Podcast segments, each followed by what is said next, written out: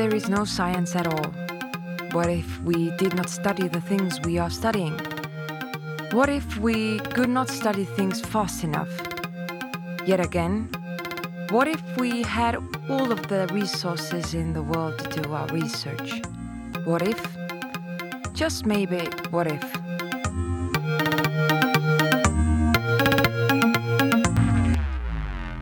Science is an inevitable part of our lives, whether we recognize it or not. Behind the word science is scientists, people who work day in and day out to make sense of the world, invent solutions, new materials, ways of understanding the society, the universe, the people, nature, animals. There is so much that scientists do. Why not take a look into both what scientists do and also who these scientists are by imagining together what if? The first episodes of the podcast are dedicated to PhD students. The first episode of the podcast is in English. The language used in the podcast depends on the guest. You are listening to the first episode of podcast What If? I am Signe Ivask. My background is that I am a freelance journalist and a full time journalism educator and researcher at the University of Tartu in Estonia. I'm not too much into podcasts, to be honest. And this is just the beginning. There's always something lost in translation. So today we have a guest with us. Uh, his name is Manuel Moreno Tovar. Hello. Hi, So you are a PhD student here at the University of Tartu, right? that's correct. And you are just finishing up your first year, Mhm. right? Yes. Before we continue with the what ifs, um, please explain what you are studying at the Yeah. university. So, the official name of my PhD program is uh, PhD in Germanic and Romance Languages and Literatures. But I like to say that I study translation studies because that's its own discipline. It doesn't have a PhD at, at Tartu yet. Um, but like my whole research is embedded in this discipline. So, I'm working with translation basically. Okay. And if we go a bit more specific, Yeah. then what's your topic? Well, most people ask me what languages, and then Okay, I- I, I go like it's not about translating. I'm not translating. Uh, I'm researching how you translate and how translation is done. And in particular, I am looking into a very specific type of translation, which is called intralingual translation.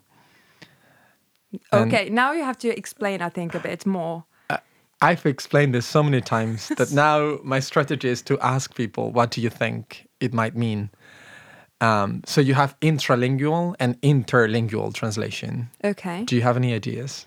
So the uh, the first words actually, I think, intro it's in in a language, Yes, and inter is between the languages, exactly. right? Yeah. Oh, that's thank correct.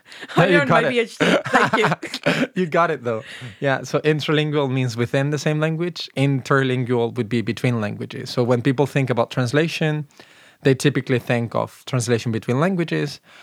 Um, the thing is that within a same within the same language, you also have a lot of variation, and also it's not very clear when uh, something should be considered a language, a dialect, a variation of a language. Um, well, you know, languages change across time, also across the geography. Um, so there is a number of uh, researchers in translation studies who are looking more and more into how do you translate within the same language to make it more accessible or to improve communication, basically. Which should be generally that's the aim of translation. So it's equally important to achieve that across cultures, um, but also you have cultures, different cultures who speak the same language. So then you have several types of intralingual translation. And the one that I'm interested in, I'm interested in all of them, but the one that I'm researching is how do you um, how do you simplify or how do you make language more accessible for people who don't speak it as their first language? So I've called this intralingual translation for language learners. And the most um, the easiest example to find out there, which is the one that I've taken as my research object, is these uh, literary classics that have been adapted into a B2, B1, A2 level. So they've they've been simplified. They've also been abridged, so they're not as long as the original. They're usually these small books called graded readers. And uh, in my opinion, these are translations, but nobody thinks of them as translations. They're just like simplified books to just read the classics without actually reading the classics. Okay. But I would say that there is value in them, and uh, that the process of um, transforming the language and the contents and the information um, for a different target audience, which would be language learners, typically of English, because that's the biggest market. Uh, that is also translation to me, and that's important. It should be researched. So that is my research object. These books are also generally targeted to high school students, I would say, so or young adults as they call them. But um, it's different for from translation for children who are native speakers of that language but might not understand the, the, the full original text. How did uh, you end up with this uh, topic? Because Where in Spain, you find it? in Spain, we do use them a lot in high school. So that's how I first read Jane Eyre and Dracula, and um, I, I have been reading books like this like um, for many years, and then um, I was doing my master's degree in translation at a university in Scotland called Heriot-Watt and I just knew that I wanted to do something something niche, something that hasn't been researched a lot, and I wanted to do something that could help um, that could maybe link language learning and translation because I also used to work as a Spanish teacher and I love teaching languages. So I wanted to kind of combine both things. And my initial idea was um, translation, intralingual translation in healthcare settings, for instance, uh, where you have m- migrants who go to the doctor and they might need documents translated, but because these migrants often speak really uh, small languages, maybe that are not like you don't readily have. Um, translators that could translate all the documents into their languages, I thought it might be a good idea to have them translated into simplified English or simplified German or simplified Estonian. That was my original idea. But then I realized that I don't really have a background with migration, or it would be harder to work with migrants uh, without having done anything like that before. And then I remembered these books that I used to read in high school, and I was like, oh, yeah, I can work on them. Nobody has worked on them actually before as translations. So that's a niche, and that's something that I found could be like satisfying and, and also helpful, impact, impactful in a way for society or for the discipline at least. Okay. Um, after finding those books and thinking about, okay, I think these things should be studied, mm -hmm. how did you end up in Tartu? Oi. That's a long story. That's a long story. I'm gonna try and make it as short as possible. so um, I had a friend living in Helsinki. She was doing an Erasmus internship, and then we went on a day trip to Helsinki. We took the ferry. I really liked Estonia. I remember the night before we were googling fun facts about Estonia because none of us, it was three of us, and none of us knew anything about the country. Okay. So it was that's, like that's usual. yeah. We were like really amazed when we read some of the fun facts, like all the digital uh, infrastructure and the forests, and I don't know. Uh, I remember the female to male ratio is really like inclined towards women, and we were like, oh, many supermodels. So it was like, okay, there are like quite some interesting things about Estonia. And then I had a really fun day in Tallinn. Uh, everyone was so nice, and the country was so so chill and so so beautiful. I thought I could see myself kind of living here. And then, uh, well, initially I wanted to stay in Scotland because that's where I did my master's, but it was impossible to get funding over there. So I just started looking at other options, and I ended up like. Um, looking into the University of Tartu, and then I found this uh, this person who ended up being my supervisor. I emailed him.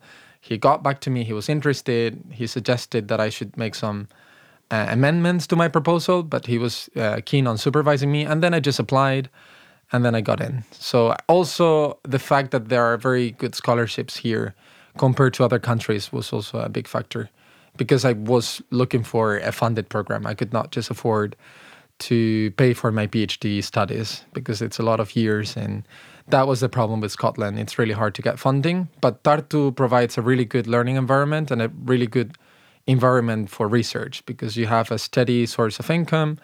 I had the supervisor who is really good, and uh, I was really keen on like living in Estonia and discovering this new part of Europe that I had never lived in, and that was so exciting to me. Let's not keep it as a secret. So, who is your supervisor, or do you have mm, like? It's just one. Just one. Yeah, his name is Luc, Luc van Doorslaer. He's from Belgium. He moved here, I think, two years ago, and he's gonna be here for at least five years. So that that kind of matches my um, my PhD program, the duration of my program. Um, it's not clear if he will then go back to Belgium or stay here. Um, but in any case, he's been a major contribution to the translation department at the University of Tartu. Um, he's teaching several courses to master's students. He doesn't speak Estonian, unfortunately. He's learning, uh, and that could be a Do problem. you speak Estonian? I'm learning as well. Okay, that's a good answer as well. We're all learners. yeah. That's right. I'm still learning, for example. Yeah. There you go. So, but I'm really happy to work with him because he's kind of a big name in translation studies. If you listen to this, Luc, yes, you are. You know everyone. Every time I come up with a with a new name, like oh, this person uh, said something, published an interesting article. Luc is like, yeah, I know them. They're really nice, and uh, I should introduce you to them. And um, he knows all these anecdotes because he's also very active in terms of conferences, associations. He's also a teacher. He's also a professor, sorry, at the University of Stellenbosch in South Africa. He also goes to Canada quite, off, quite often, so he knows a lot of he knows a lot of scholars over there. And he's also uh, part of the board of a very prestigious summer school in Belgium, where he's from. So he's everywhere. He knows everyone, and he's really, really uh, approachable and, and nice and kind. And I'm really happy to work with him. So before we go with the, on with the first uh, what if, Mm-hmm. um, how has uh, coronavirus? I don't know. Has it affected your research or your life in any way? It has because I had a bunch of summer schools that I wanted to attend this summer. So I think right now I should be in Turkey. Um, but it's fine. It's all been postponed to next year. Uh, there was also a colloquium that we were organizing in Tartu in April, and we were inviting young scholars from many different countries. Um, that that has also been postponed. Um, my course is as I mean I'm studying Estonian at university, and I also had this communicating science course uh, as well as a mandatory PhD course. Everything went online, uh, but I would say it was quite successful. Like every professor found a platform, either Skype or Zoom or Microsoft Teams, um, where they could carry on with this with this um, curriculum. And then in terms of my research, I was working at home anyway. Um, so now I'm using the library again because they're open. Um, but it didn't change radically uh, the way I worked. Uh, I think PhD students are used to spending a lot of time on their own, just reading. There is so much to read always. So this Corona crisis, it was not good, of course, because it was it was a lot of pressure. Uh, mental health wise, it was difficult, but it gave us a lot of time to read and to kind of concentrate on our subjects. Um, so in that sense, I think PhD students, we've been doing kind of fine.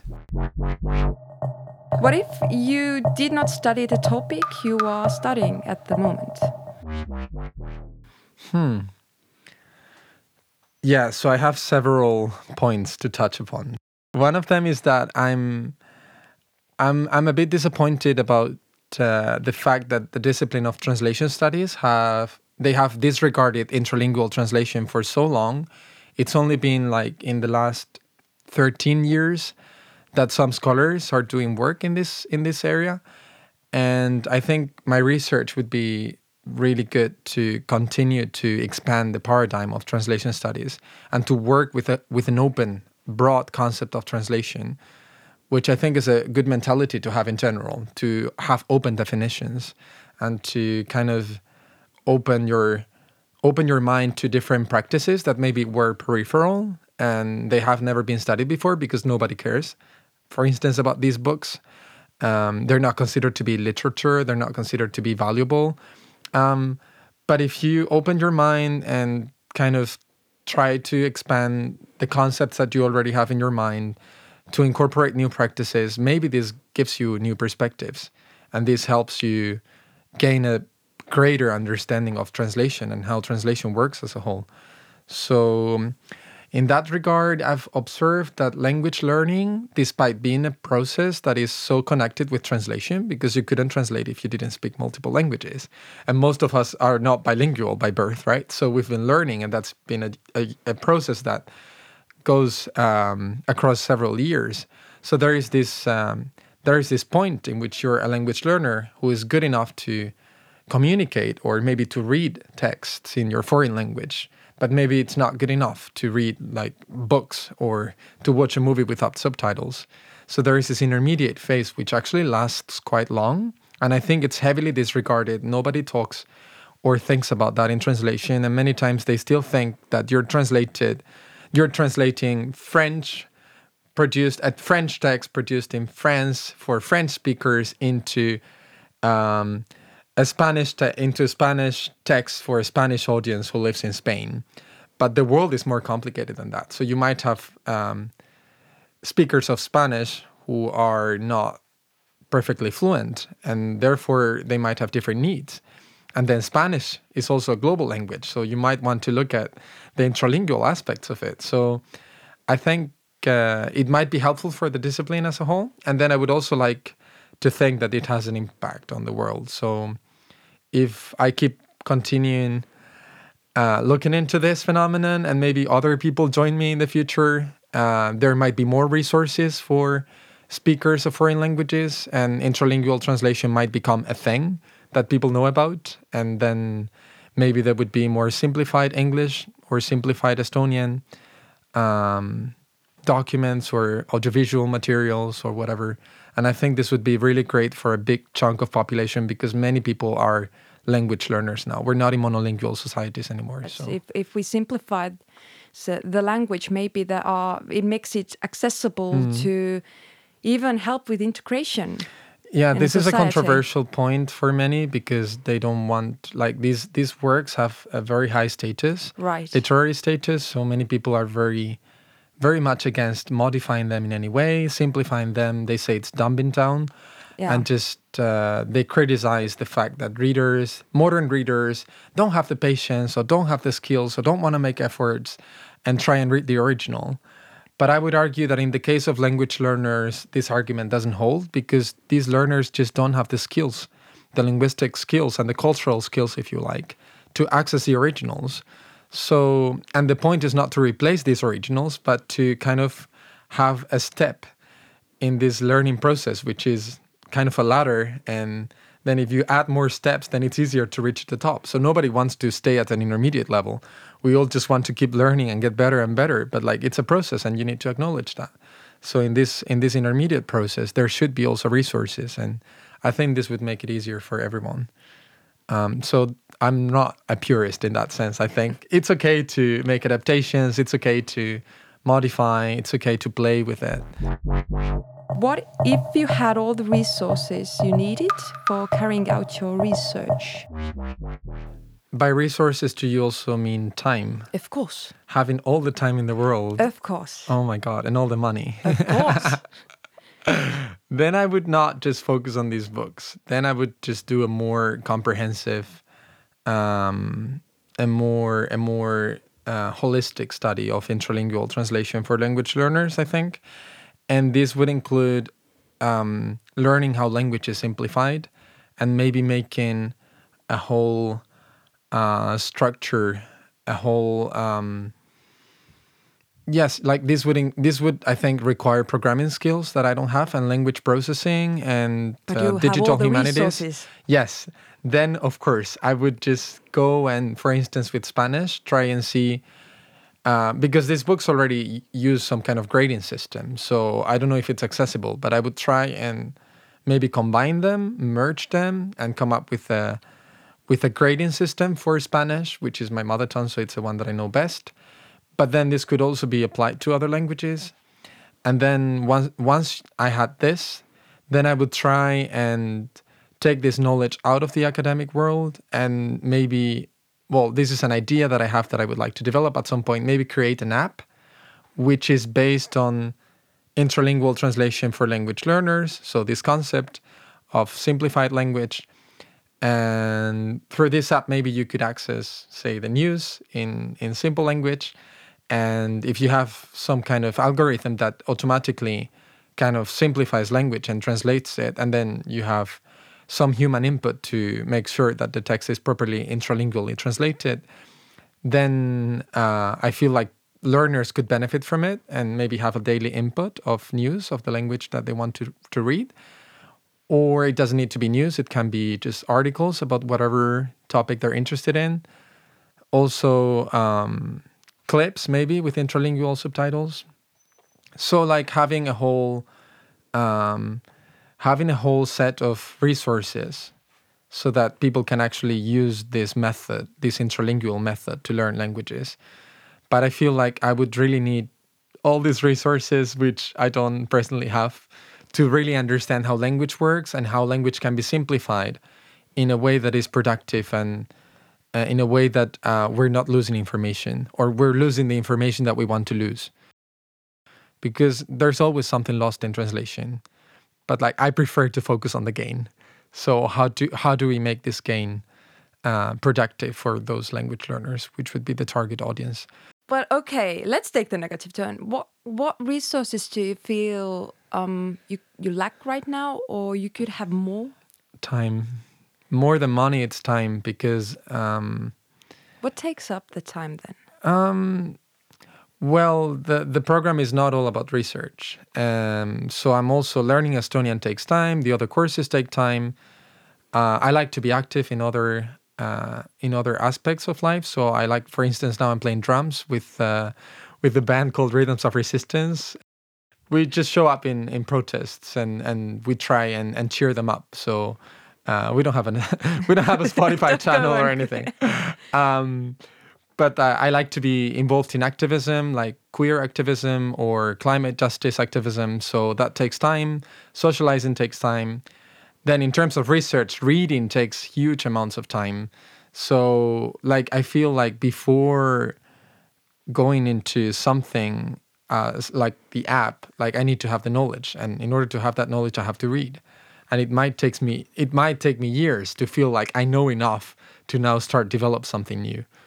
So that's really overwhelming for me because I really want to keep up with all the new articles and all the new books that keep coming up. But, but they keep coming. You know? They keep coming up. They yeah. don't stop. Like they should. Corona should. Everyone should just not write right now. Yeah, Corona should have given us a break in that sense, but I feel like not necessarily. But it kind of, I, I, I think that uh, Corona just uh, uh, encouraged more research being yeah. done like how this pandemic has influenced people. Yes.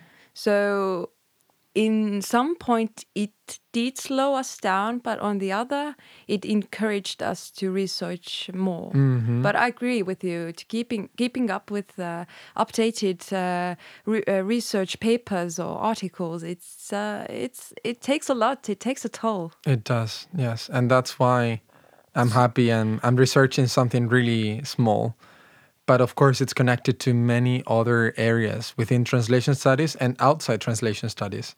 So there's no limit. You need to set your own limits and be like okay i'm reading this and this and this. So many things are interesting. I have so many books downloaded and i just cannot find the time so. Reading is good but don't beat yourself up if you yes. just if it takes time or you feel overwhelmed. Mm-hmm. we are there with you guys. yes We've been there. We are still there. but you have to acknowledge that this is a part of the research mm-hmm. Uh, world. And it's a li- it's a lifelong process. So you and will always keep learning. Chosen. Come yes, on. So that's true. What if you could start all over again? What would you do the same? What would you do differently? I would have maybe applied directly here and skipped Scotland. because that was very frustrating to be rejected and to to feel like oh nobody cares about the humanities nobody has funding for this they only have funding for other disciplines. Um, so maybe i would have skipped those applications although on the other hand they taught me how to deal with rejection in a way which, which is, is also a part yes. of the, of the world academia yeah right? outside academia too. Ah that's true. But um, in terms of my my own uh, study, maybe I would have narrowed it down from the beginning a bit more because, as I told you at the beginning, I just wanted to help the world and make uh, language accessible for everyone. And then I realized, well, I don't have this background. I cannot do this without learning how to do it before. So it's better to focus on something that I can already do, where I can make a contribution. And yeah, for instance, like my subject is still narrower than what I told you because I cannot just analyze these books in general. So I'm just focusing on on the picture of Dorian Gray by Oscar Wilde because that has been abridged by many many publishers, so Oxford, Macmillan, Pearson, many other small ones. And then that was still too broad, so my supervisor told me make it narrower. Just focus on how some elements are intralingually translated. And I'm looking at controversy and in particular, I think I'm going to look at gender. So there are many things that have been narrowed down along the process. And it might have been better if I just from the beginning acknowledged this is too much. I need to. I need to bring something into focus, and I need to. I need to be more, um, just more realistic about what I can do with my with my current resources. Uh, also, I think I was a bit afraid of studying gender because it's also kind of a, it's not a new subject, but it's a, uh, it's a subject it's a subject that has a lot of baggage. So I was a bit afraid of going like tipping my toes into that. But my supervisor was really encouraging. He told me there's a lot of things being done here in translation studies now, so it would be great. Uh, and it's interesting. It's it's controversial in a way, um, but it's it's current. It's relevant. So I would have said to my past self, like, just don't be afraid. If you're interested in this, just go into it. And then I would have also encouraged myself to go to the library and work at the library more often. And maybe I would have started doing yoga from the beginning because I in only library. started in the library. Yes, there is a sports room. Really? Yes. I did not know that. Uh huh. And it's really helped. Doing yoga like a couple of times a week really helps to keep a healthy mind and you know feel like you're onto a routine and feeling better with yourself. And i only started in november after a writing retreat. Uh, these writing retreats that are organized for phd students i would have also encouraged my past self to apply to all of them as soon as they go out because uh, spots ran out really quickly.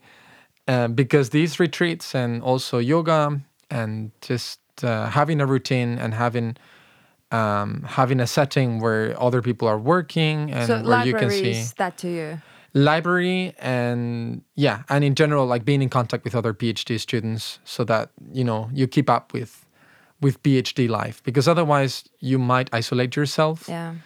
And that's never good. And in my other courses sometimes it's just erasmus students which is they're really fun to hang out with but they know nothing about the world of PhD uh, studies. So I would have said, like, try to strike a balance and try and not lose touch from them and try to try to have a routine and try to hang out with people who are doing similar things or also different things.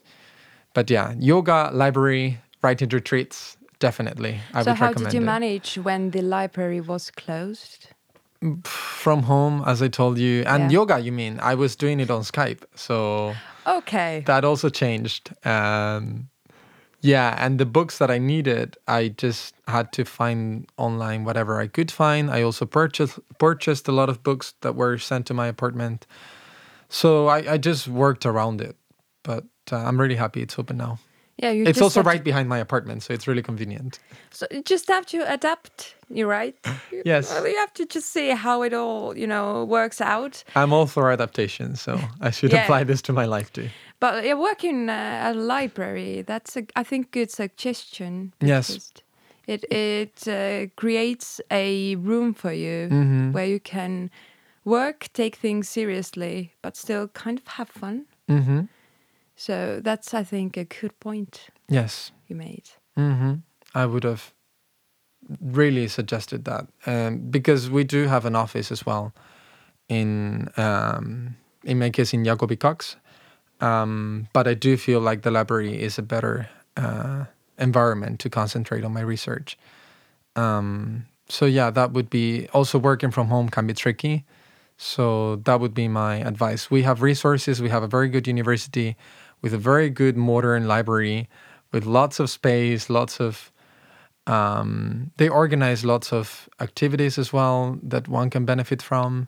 So just keep an open eye and don't like lock yourself in your research. Don't lock yourself home, and uh, do hang out with Erasmus students if you wanna if you wanna have fun. But like not let's not forget that uh, there are many other things that you can do with your time. So that's what I would say to my past self from September. So with this um, uh, point made, uh, we're going to end today's podcast. Mm-hmm. Thank you, Manuel, so much for coming and participating and sharing your thoughts. Stay in school, everyone. Thank you for listening to the first episode of What If. We had with us Manuel Moreno Tavares, a PhD student researching translations within a language.